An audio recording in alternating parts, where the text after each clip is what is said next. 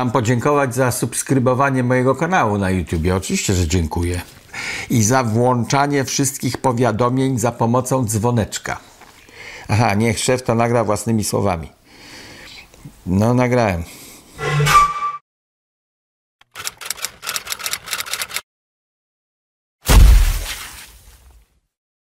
Dzień dobry Państwu, witam w programie Antysystem.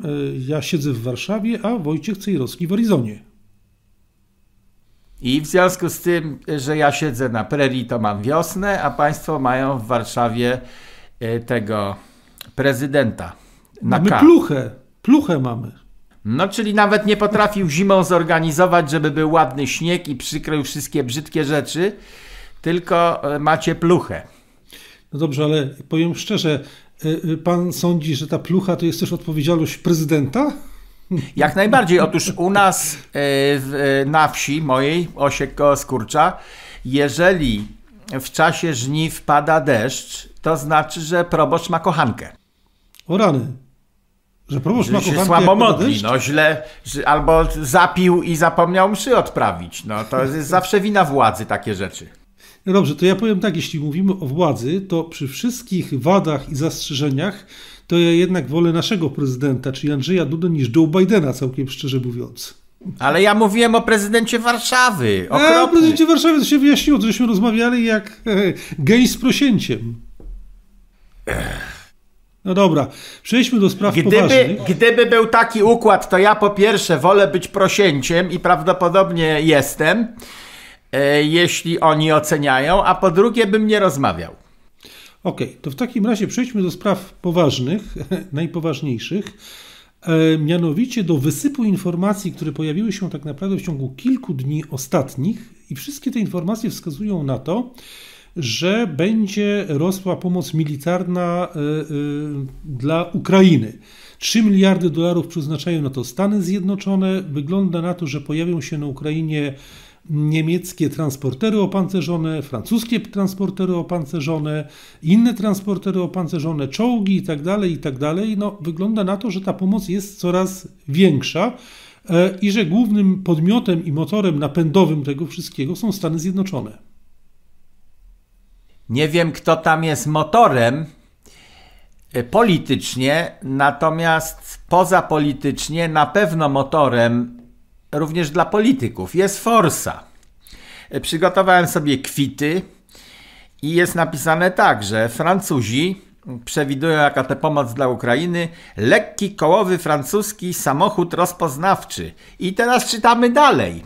Na kwicie moim napisano produkowany w latach 79-86, czyli hmm. już nie produkują i produkowali dawno i to jest technologia w związku z tym przestarzała zwany potocznie czołgiem na kołach, wyposażony w armatę i tak dalej, waży 15 ton, ma zasięg 1000 km, wszystko pięknie. Wyprodukowany został w liczbie 450 egzemplarzy, z czego 350 na potrzeby Francuzów, to jest kluczowe, resztę sprzedano do Maroka i Kataru.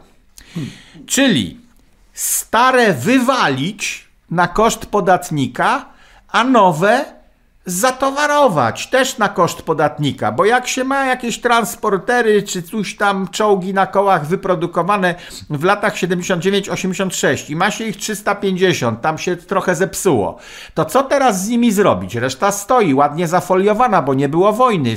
Francja nie toczyła tym sprzętem wojny. Stoi zafoliowana, ale jest już prze przeterminowane, stare. Już mamy lepsze.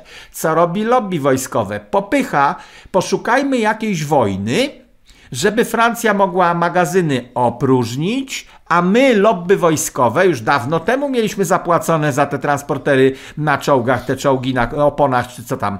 Dawno temu nam zapłaciliście, a my byśmy chcieli nowych pieniędzy. Więc tamto, co już podatnik francuski dawno temu zapłacił i zapomniał, wywalamy na Ukrainę w ramach pomocy i tak dalej, wszystkiego. Stare, być może rozwalone. Natomiast nowe wam sprzedamy znowu na koszt podatnika. Niemcy zrobili to samo, cytuję, kolejny kwit. Marder to jak Mordor. No nie, ale, ale, ale, ale Marder, nie Mordor. No ale jak Mordor, bo do mordowania służy sprzęt, sp- sprzęt wojskowy służy do mordowania przeciwnika, więc Marder, Mordor, wszystko jedno, to jest niemiecki bojowy wóz piechoty. Ciekawe, że y, cała ta pomoc to są podobne sprzęty. Opracowany w latach 60. i napisali był pierwszym nowoczesnym pojazdem tego typu na zachodzie i drugim na świecie porewolucyjnym w swojej epoce y, sowieckim B- BMP-1. Dobrze, ale ja nie chcę, nie chcę, żebyśmy wchodzili w takie, ale jedna rzecz mnie uderzyła. Dobra, ale to mówi. już konkluduję. Tak. Był, był bardzo nowoczesny, był w latach 60. zrobiony. A teraz wypróżniamy magazyny, żeby się tego pozbyć i wprowadzić jakiś wymyślony w latach 2020. Ale właśnie to, co pan powiedział, mnie uderzyło. Dlaczego? Ponieważ y, zarówno te niemieckie, jak i te francuskie, jak i duża część amerykańskiego sprzętu wojskowego to, są, to jest sprzęt tworzony w latach 60., 70. i 80. podczas zimnej wojny. Ale co chcę powiedzieć, jak się wczytywałem w informacje dotyczące wojny rosyjsko-ukraińskiej, to była gigantyczna masa doniesień mówiąca o tym, że właściwie cały sprzęt, który obecnie Rosjanie wystrzeliwują na Ukrainę, to jest sprzęt właśnie z lat, to są rakiety, to jest broń, pociski z lat 60., 70. i 80., tylko to było przedstawiane w polskich mediach, no nie tylko w polskich, no, że to jest dowód tego, że y, one są y, nieskuteczne, że zaraz się skończą, że są jakieś stare rupiecie, nic nieznaczące. Tymczasem jak pomocy udzielają Francuzi, Niemcy i Amerykanie, to nagle się okazuje, że to jest ta wielka pomoc, na którą wszyscy czekali. Coś tu się nie zgadza, nie? No to są też stare rupiecie i przecież Ukrainie nie dajemy sprzętu, który a przekracza ich możliwości, bo nie mieli szkoleń i tam jest za dużo elektroniki czy coś, tylko dajemy im taki sprzęt, jaki, uwaga, jest im potrzebny w kontrze na Putina. Skoro Putin atakuje wozem bojowym z lat 60., to my wam damy nasze wozy bojowe z lat 60. Nie skupiamy się na tym drugim haśle, że one są z lat 60., tylko damy wam sprzęt równoważny, który pos- pozwoli przeciwstawić się sprzętowi rosyjskiemu. To by znaczyło. Ja oczywiście jestem antysystemowy i spiskowa teoria kolejna. A niech To pan mówi znaczy- tą spiskową teorię, bo to wszyscy bardzo lubią włączać się potem w debatę na temat spisków i teorii spiskowych. Dobrze, no więc spisek polega na tym, że e, Amerykanom, Francuzom i kto tam jeszcze Niemcom, którzy podarowują ten stary sprzęt, nie chodzi o to, żeby Ukraińcy wojnę wygrali szybko. Bo jeżeli Ruscy wypuszczają sprzęt z lat 60., to jakbyśmy chcieli szybko z nimi skończyć, to byśmy Ukraińcom podarowali sprzęt z lat 80., o jedno pokolenie lepszy, który szybciej poradzi sobie z tymi rupieciami ruskimi. Albo byśmy Ukrainie dali sprzęt z zeszłego roku. No ale po co? Chodzi o to, żeby wypróżnić magazyny ze starego sprzętu i im dłużej ta wojna trwa, tym więcej zarabia lobby zbrojeniowe we wszystkich krajach zainteresowanych, również w Rosji. No to mówi pan dokładnie to samo, co mówił parę miesięcy temu, już zresztą powtarza to y, wielokrotnie, ale w Polsce tego mówić nie wolno. Viktor Orban, który postawił taką tezę, że tak naprawdę na tej wojnie najbardziej zarabiają, y, po pierwsze zarabia Rosja, ale po drugie zarabia, zarabiają Stany Zjednoczone. No bo tak, y, y, ceny dostaw gazu płynnego poszły potwornie w górę, no i cały, cały przemysł zbrojeniowy zarabia dokładnie na tym. No to znaczy wyzbywa się zalegających gdzieś tam w tych arsenałach starych pocisków, rakiet, sprzętu i może w związku z tym inwestować w nowy sprzęt. Więc krótko mówiąc, zarabiają ci, którzy twierdzą, że najbardziej pomagają. A jeszcze sięgnijmy do Afganistanu na sekundę. Sięgamy. Kto namówił Bidena? No, to Biden to sam nic nie wymyśli, bo ciągle śpi biedny, bo już jest stary i biedny i ma demencję.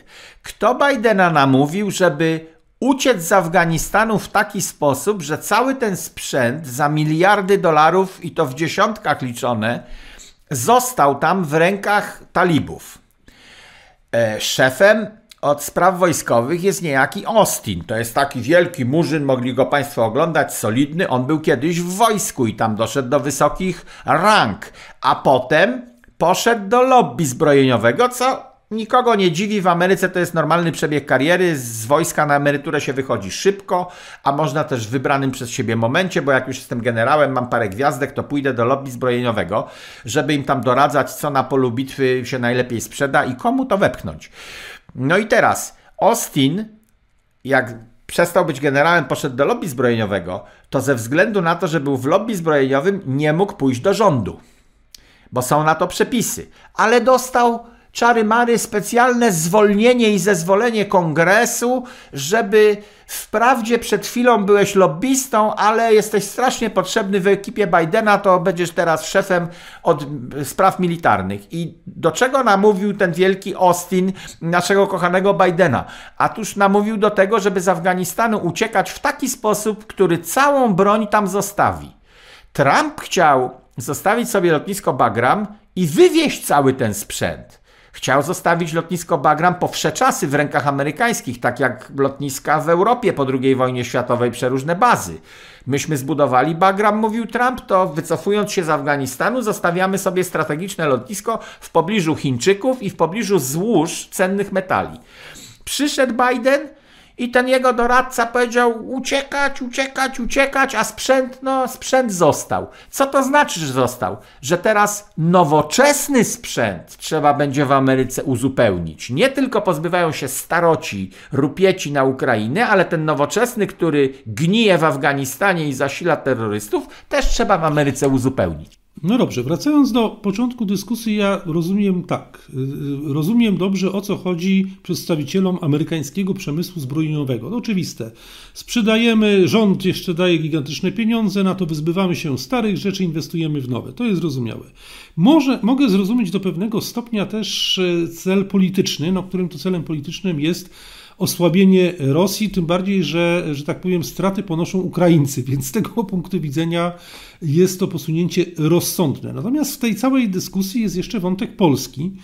Y, Polska y, chce przekazać, przekazała już w tej chwili Ukrainie pomoc militarną. Według wyliczeń, różnych wyliczeń, te, które były teraz podawane, mówią nawet o prawie 2 miliardach dolarów, co jest bardzo duże, dużo. No i ostatni projekt to było przekazanie mm, Ukrainie czołgów Leopardy, czy Leopard 2, bo skoro już mówimy o takich ciężkich, po, y, y, y, ciężkich pojazdach, no to my też żeśmy chcieli to zrobić, ale pojawiła się wypowiedź rząd przedstawiciela rządu Niemiec, no bo te Leopardy są od Niemiec, czyli jak rozumiem mm, są w naszym, mamy, je mamy, ale nie możemy tak całkiem nimi dysponować swobodnie że Niemcy o niczym takim nie słyszały i w niczym takim uczestniczyć nie chcą. Nie chcę teraz dokładnie zajmować się Niemcami, ale chciałem się zapytać, co pan sądzi na temat tej naszej takiej, e, jakby to powiedzieć, gotowości, żeby dawać ile wlezie na każdą skalę, że e, wręcz no, wyzbywać się tego sprzętu po to, żeby Ukraińcy go mieli jak najszybciej, jak najwięcej. Ma to jakiś sens, jakąś logikę? No bo my nie produkujemy ani leopardów, ani tak. maderów, tak. ani tych innych nie produkujemy, tak? Arsenałów pełnych broni nie mamy, więc tak, nasz przemysł zbrojeniowy aż takich pieniędzy jak amerykański czy francuski tutaj nie dostaje. Mm, e, nie mamy też, jak rozumiem, takich planów, jak, ma, jak mają Stany Zjednoczone, żeby osłabić zagrożenie rosyjskie, uderzając, e, wzmacniając Ukrainę. Więc jaki jest ten nasz sensowny cel w tym wszystkim? Nasz, czyli polski. No, na razie poobserwujmy zjawisko. Wypróżniamy się ze sprzętu, który mamy oraz ze sprzętu, którego nie mamy, czyli chcemy dostać jakieś leopardy z Niemiec po to, żeby je natychmiast wypróżnić na Ukrainę. Więc jest, następuje wypróżnianie magazynów, a jednocześnie następuje wydawanie pieniędzy na zatowarowanie magazynów pustoszejących, ale zatowarowanie odbędzie się za czas jakiś. No. Czyli wypróżniamy się teraz ze sprzętu, który może będzie jutro potrzebny, gdyby Putin oszalał i wjechał. No właśnie. Więc wypróżniamy się dzisiaj i wypróżniamy się też dzisiaj z pieniędzy, których jak dzisiaj zapłacimy do Korei za jakąś broń, to już dzisiaj tych pieniędzy nie będziemy mieli. Wypróżniamy się z pieniędzy, a broni jeszcze nie ma w tych pustych magazynach. No to po co no to, to robimy? A to. No. Nie wiem po co. Pan, pan, siedzi w Ameryce, to pan powinien wszystko nie wiedzieć. Nie wiem po no. co, natomiast wiem, że źle robimy. Bo zakładając, że jest jakieś po coś sensowne. Celem może być ktoś naprawdę mocno wierzy, należy do twardej sekty, która uważa, że chcemy tę wojnę z ruskimi wygrać. Wojna na terenie Polski jest nieunikniona, chyba że Ukraina stoczy wojnę z Rosją. No może ktoś tak uważa, że to jest jedyna w ogóle opcja w przyrodzie, są nie tacy, ma żadnych są, innych. Są tacy, wypowiadają się, że my nie mamy teraz innego wyboru, musimy jak najszybciej brać udział w tej wojnie, bo ta wojna i tak do nas przyjdzie, więc nie ma sensu czekać, tylko trzeba e, właściwie samemu ją rozpocząć. O. No i w porządku. Jeżeli to jest celem, czyli e, toczenie wojny na obcym terytorium ukraińskim za cenę ukraińskiej krwi, bo ona w nieunikniony sposób kiedyś przyjdzie do Polski. Jeżeli to jest celem, podchodzę do tego celu jak naukowiec. Wprawdzie to nie, nie wydaje mi się do końca sensowne, ale teraz nie analizuję tego sensu, tylko patrzę na ten cel. To ten cel, nawet ten, jest źle realizowany. Bo wypróżniliśmy swoje magazyny, czyli osłabiliśmy Polskę, zapełniamy magazyny czymś, co przyjedzie pojutrze, ale nie natychmiast, wydajemy pieniądze, czyli znowu osłabiamy państwo polskie teraz, czyli jesteśmy coraz słabsi w, w, wobec Ukrainy i wszystkich dookoła. No dobrze, to się w takim razie kompletnie kupy nie trzyma, no bo nawet przy założeniu, że taki cel ktoś ma i go realizuje, to sposób realizowania tego celu, znaczy sposób w jaki się to robi, nie sprzyja temu celowi. O najkrócej e, tak to No to właśnie to ująć. chciałem powiedzieć, tylko pan jest redaktor naczelny, a ja jestem tylko redaktor. No dobrze, bo ja chciałem jeszcze jeden tutaj, jedną rzecz dorzucić do tej naszej dyskusji, mianowicie wątek, który praktycznie też e, w polskich dyskusjach kompletnie nie, nie występuje, bo w polskiej dyskusji przedstawia się sytuacja tak, z jednej strony jest dyktatura e, rosyjska e, czy, czy ruska, no co do tego, że tam jest dyktatura, to nikt nie powątpiewa i to w zasadzie jest rzecz bezdyskusyjna i słusznie. Natomiast niestety drugi, druga część tej opowieści w Polsce zupełnie się nie, nie jest w stanie przebić, że również jeśli chodzi o tak zwane standardy demokratyczne, no to Ukraina niespecjalnie odbiega albo coraz mniej odbiega od tego, co dzieje się w Rosji. No, ostatnie, y, ostatnie kilka decyzji prezydenta Załęskiego to, była, to jest nowa ustawa o Trybunale Konstytucyjnym, która sprawia, że faktycznie prezydent sam będzie, ten, będzie miał de facto prawo obsadzenia tego Trybunału. No to są jednak bardzo daleko, daleko idące ingerencje w działalność cerkwi czy kościoła prawosławnego. Oczywiście to się wiąże z tym, że ten podporządkowany Moskwie jest oskarżany o zdradę, no ale w efekcie to oznacza, że państwo przyznaje sobie uprawnienia pełnej kontroli pozbawianie obywatelstwa kilkunastu y, duchownych, y, biskupów, y, przejęcie kilkuset cerkwi, no powiem tak, niespecjalnie to pasuje do opowieści o tym, że tu mamy obronę demokratycznych wartości w starciu z dy, dyktaturą i zamordyzmem i reżimem. No, no nie pasuje. Na Ukrainie jest taka sama dyktatura jak w Rosji. Gdybyśmy poszli do, do tego na chłodno, e, no bo to, że na Ukrainie jest dyktatura, może nam nadal nie przeszkadzać w sytuacji, gdy ta dyktatura ukraińska skutecznie zwalcza naszego większego wroga, większe zagrożenie. To jest tak jak z, e, z chemioterapią.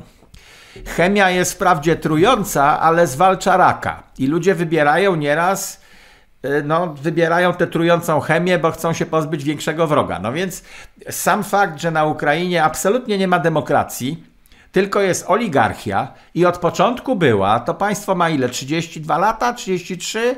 No, mniej więcej powiedzmy. Jako samodzielne państwo, w- wcześniej to była Ruska Republika, więc możemy im dać jeszcze trochę czasu, bo się dopiero kreują i budują, a wyszli z komunizmu i mają pewne zaszłości i przyzwyczajenia, ale nie ma co się oszukiwać, że tam była kiedykolwiek demokracja, bo nigdy jej nie było.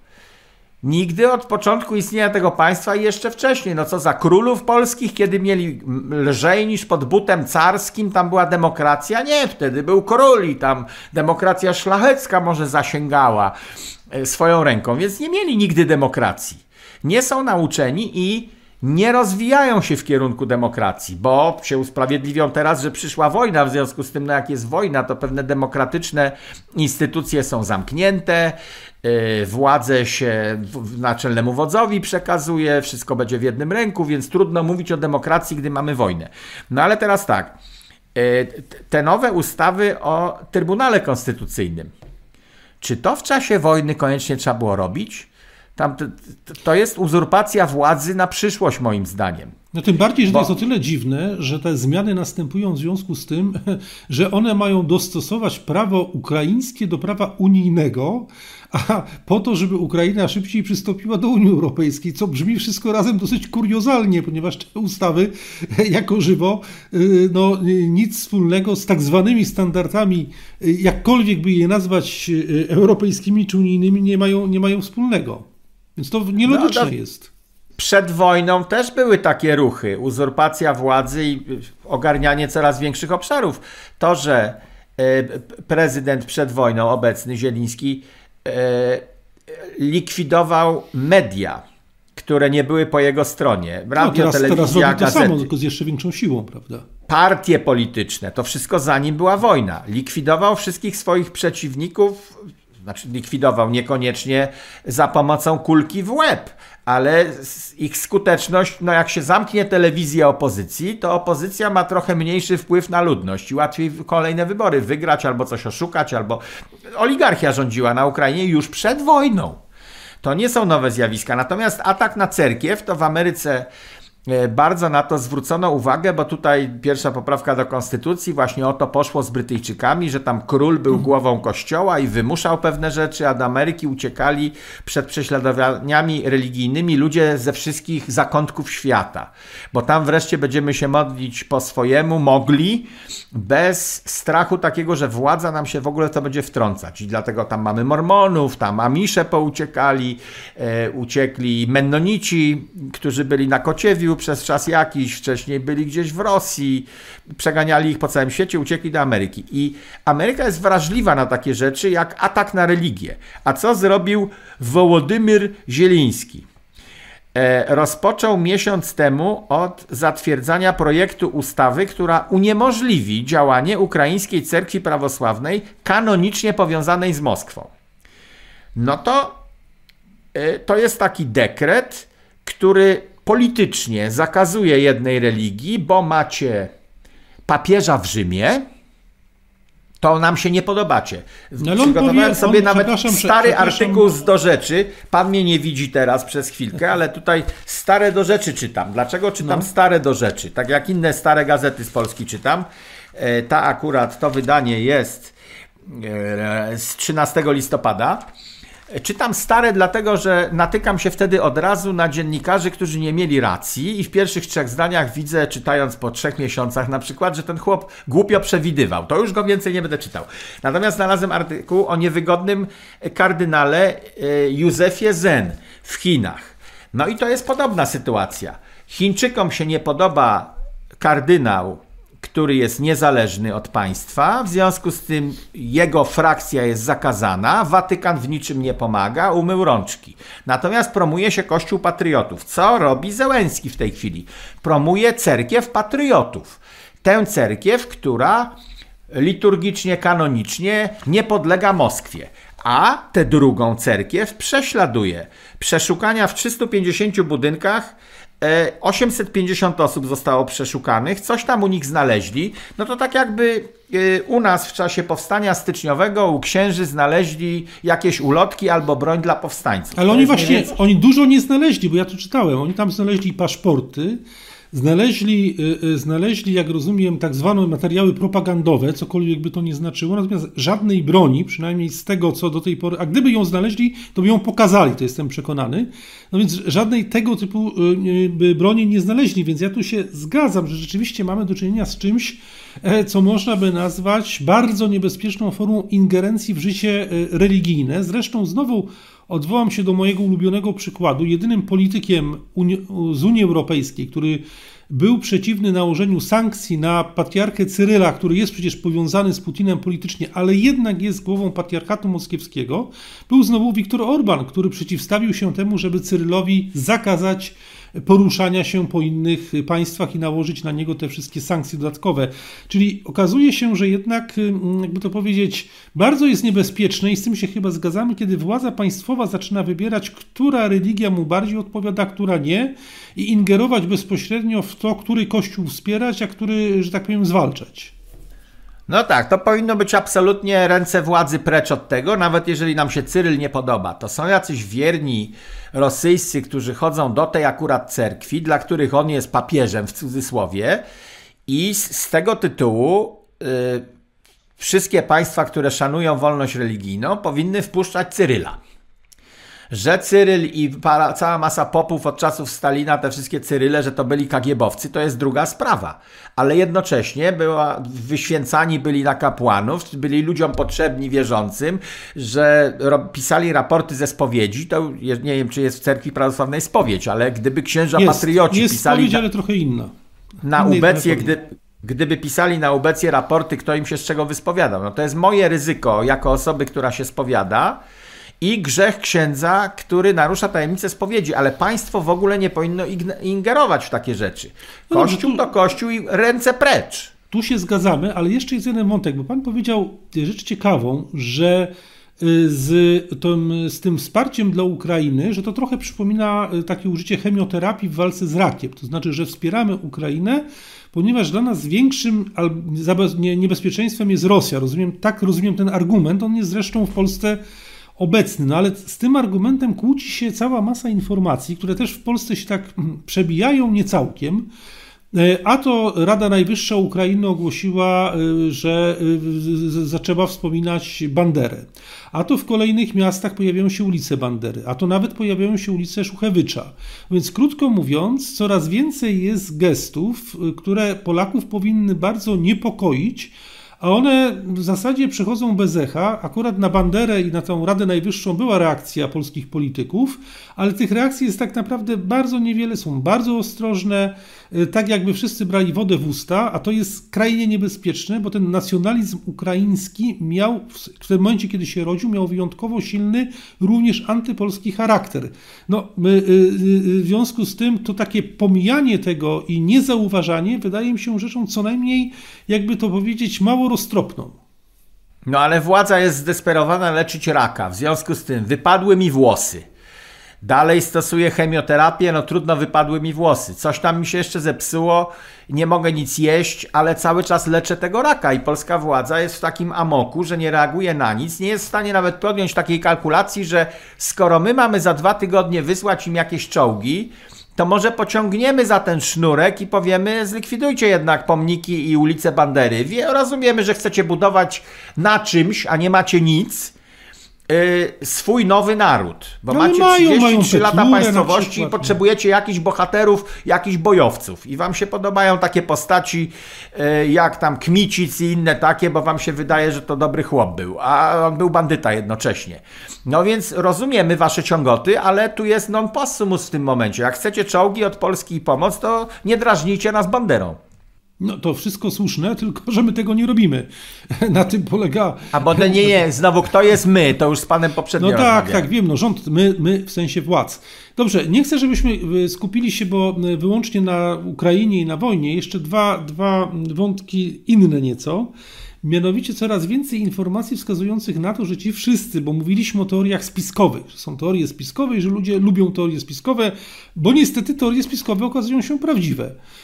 Yy, przeczytałem, że w Wielkiej Brytanii, najpierw w Oxford, a potem w następnym y, regionie, chyba w Canterbury, wprowadzono tak zwaną koncepcję miast 15-minutowych, co sprowadza się tak naprawdę do tego, że nie można się przemieszczać samochodem z jednego miejsca w drugie miejsce, Y, ponieważ są specjalne filtry sprawdzające to, czy dane samochody y, naruszają, czy nie naruszają praw klimatycznych. No najkrócej mówiąc, mamy do czynienia z czymś, co możemy nazwać pełzającym lockdownem, wprowadzającym, wprowadzanym najpierw Wielkiej Brytanii, ale być może biorąc pod uwagę, jak działa to szaleństwo klimatyczne, to jest tylko, że tak powiem, zapis albo, albo zapowiedź tego, co się będzie działo na znacznie większą skalę.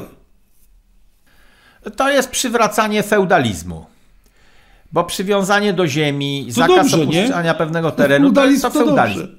Natomiast i co jest inspiracją dla feudalizmu? Zawsze forsa. Pan, który ma w zarządzie ten kawał ziemi, bo król mu dał, albo on tam ma go odziedziczony, czy to będzie korporacja, czy to będzie rząd obojętny, jakiś pan jest na danej ziemi i on chce z ludzi zrobić maszyny do roboty, jak ludzi jest za dużo, to trzeba ich wysłać na jakąś wojnę, żeby ich było trochę mniej, bo za feudalizmu tak było co chwila, że z tej ziemi, którą mam, jestem w stanie wyżywić siebie w sposób doskonały, ale jak tam się te chłopy za szybko rozmnażają, to y, oni zjadają za dużo. I trzeba ich po prostu depopulację zrobić. To ani depopulacja nie jest nowym hasłem, ani to, co przed chwilą opisane, że prywatne samochody będą mogły jeździć między wyznaczonymi obszarami tylko pod warunkiem, że mają zezwolenie i kamery będą śledzić, czy nie pojechałeś do cioci w drugiej dzielnicy w sytuacji, kiedy ci tam nie wolno jeździć. Kiedyś to się rogatki nazywało, nie? To znaczy takie były Y, tam wszystko było w czasie, w tych starych, starych bardzo czasach, wszystko było bardzo dokładnie podzielone. Każdy pan miał swoją ziemię. Jak się przekraczało z, jednej, z jednego obszaru w drugi, to się myto pobierało, nie? Tak to wyglądało chyba. Tak, i teraz to specjalnie zezwolenie będzie polegało na tym, że się nie będzie nazywało myto, tylko opłata klimatyczna za to, że przyjechałeś Y, przez granicę do cioci. Hmm. W tej chwili nadal mamy opłaty klimatyczne w takich miejscowościach typu Zakopane czy coś. To jest podatek, nie wiem, od, od uzdrowiska, od czegoś. Nie, to, to wszędzie jest na świecie, takie są. To są podatki, wszystko tak. stare koncepcje i jedyne, co nam może pomóc w, tej, w tym przypadku, to są bunty chłopskie. Jeżeli w, w tym Oksfordzie się nie zbuntują Brytyjczycy szybko, póki jeszcze mają jakiekolwiek narzędzia demokratycznego wybierania swoich burmistrzów czy sołtysów, no jeśli się szybko nie zbuntują, to ten system zostanie wprowadzony, feudalizm wróci i będzie dużo trudniej się wyzwolić z feudalizmu, jak on się okopie.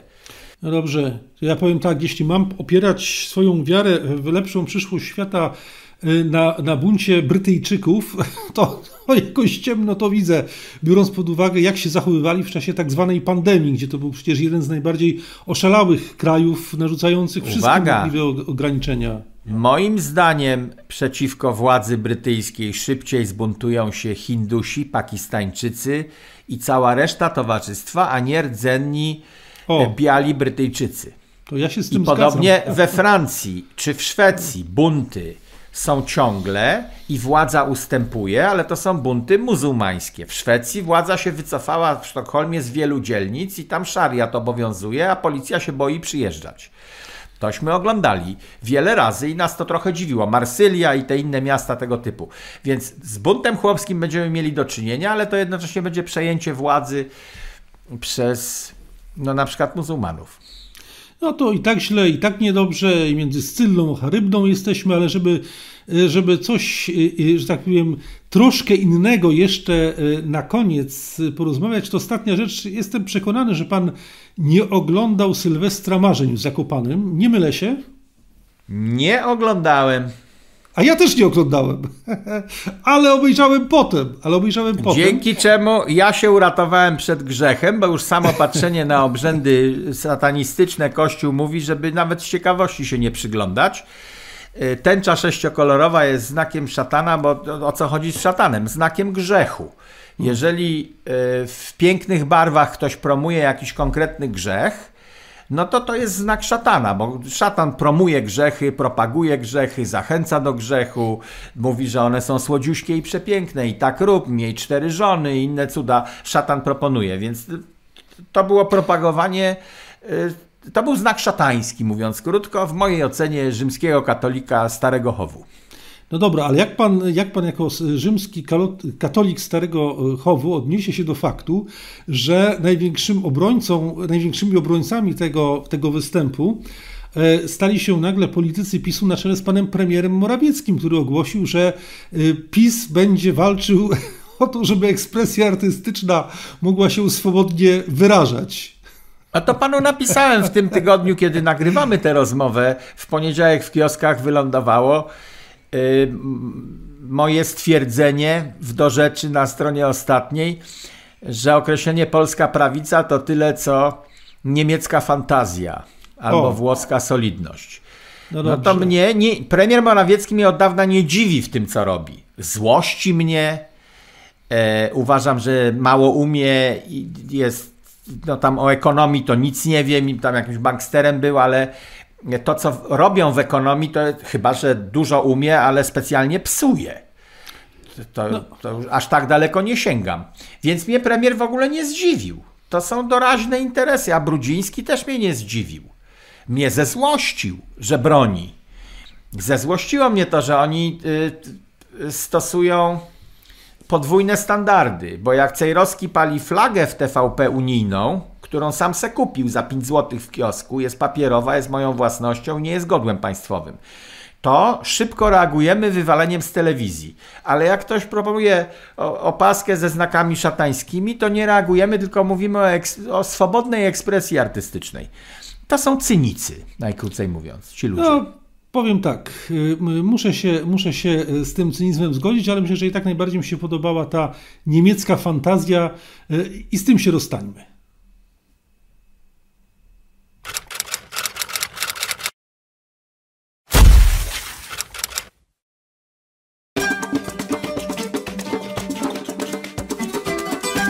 Ma tę moc. Kto za tym stoi? Może Reagan, może Trump, może Ameryka albo może Polska. Kto za tym stoi? To jest pytanie nieważne. Gdzie to stoi? To jest ciekawsze pytanie. Teraz stoi we wszystkich sklepach Dino. Bo bywało różnie. Raz było tu, raz było siam. Ludzie ganiali i się denerwowali. We wszystkich sklepach Dino, a Dino to jest polska sieć.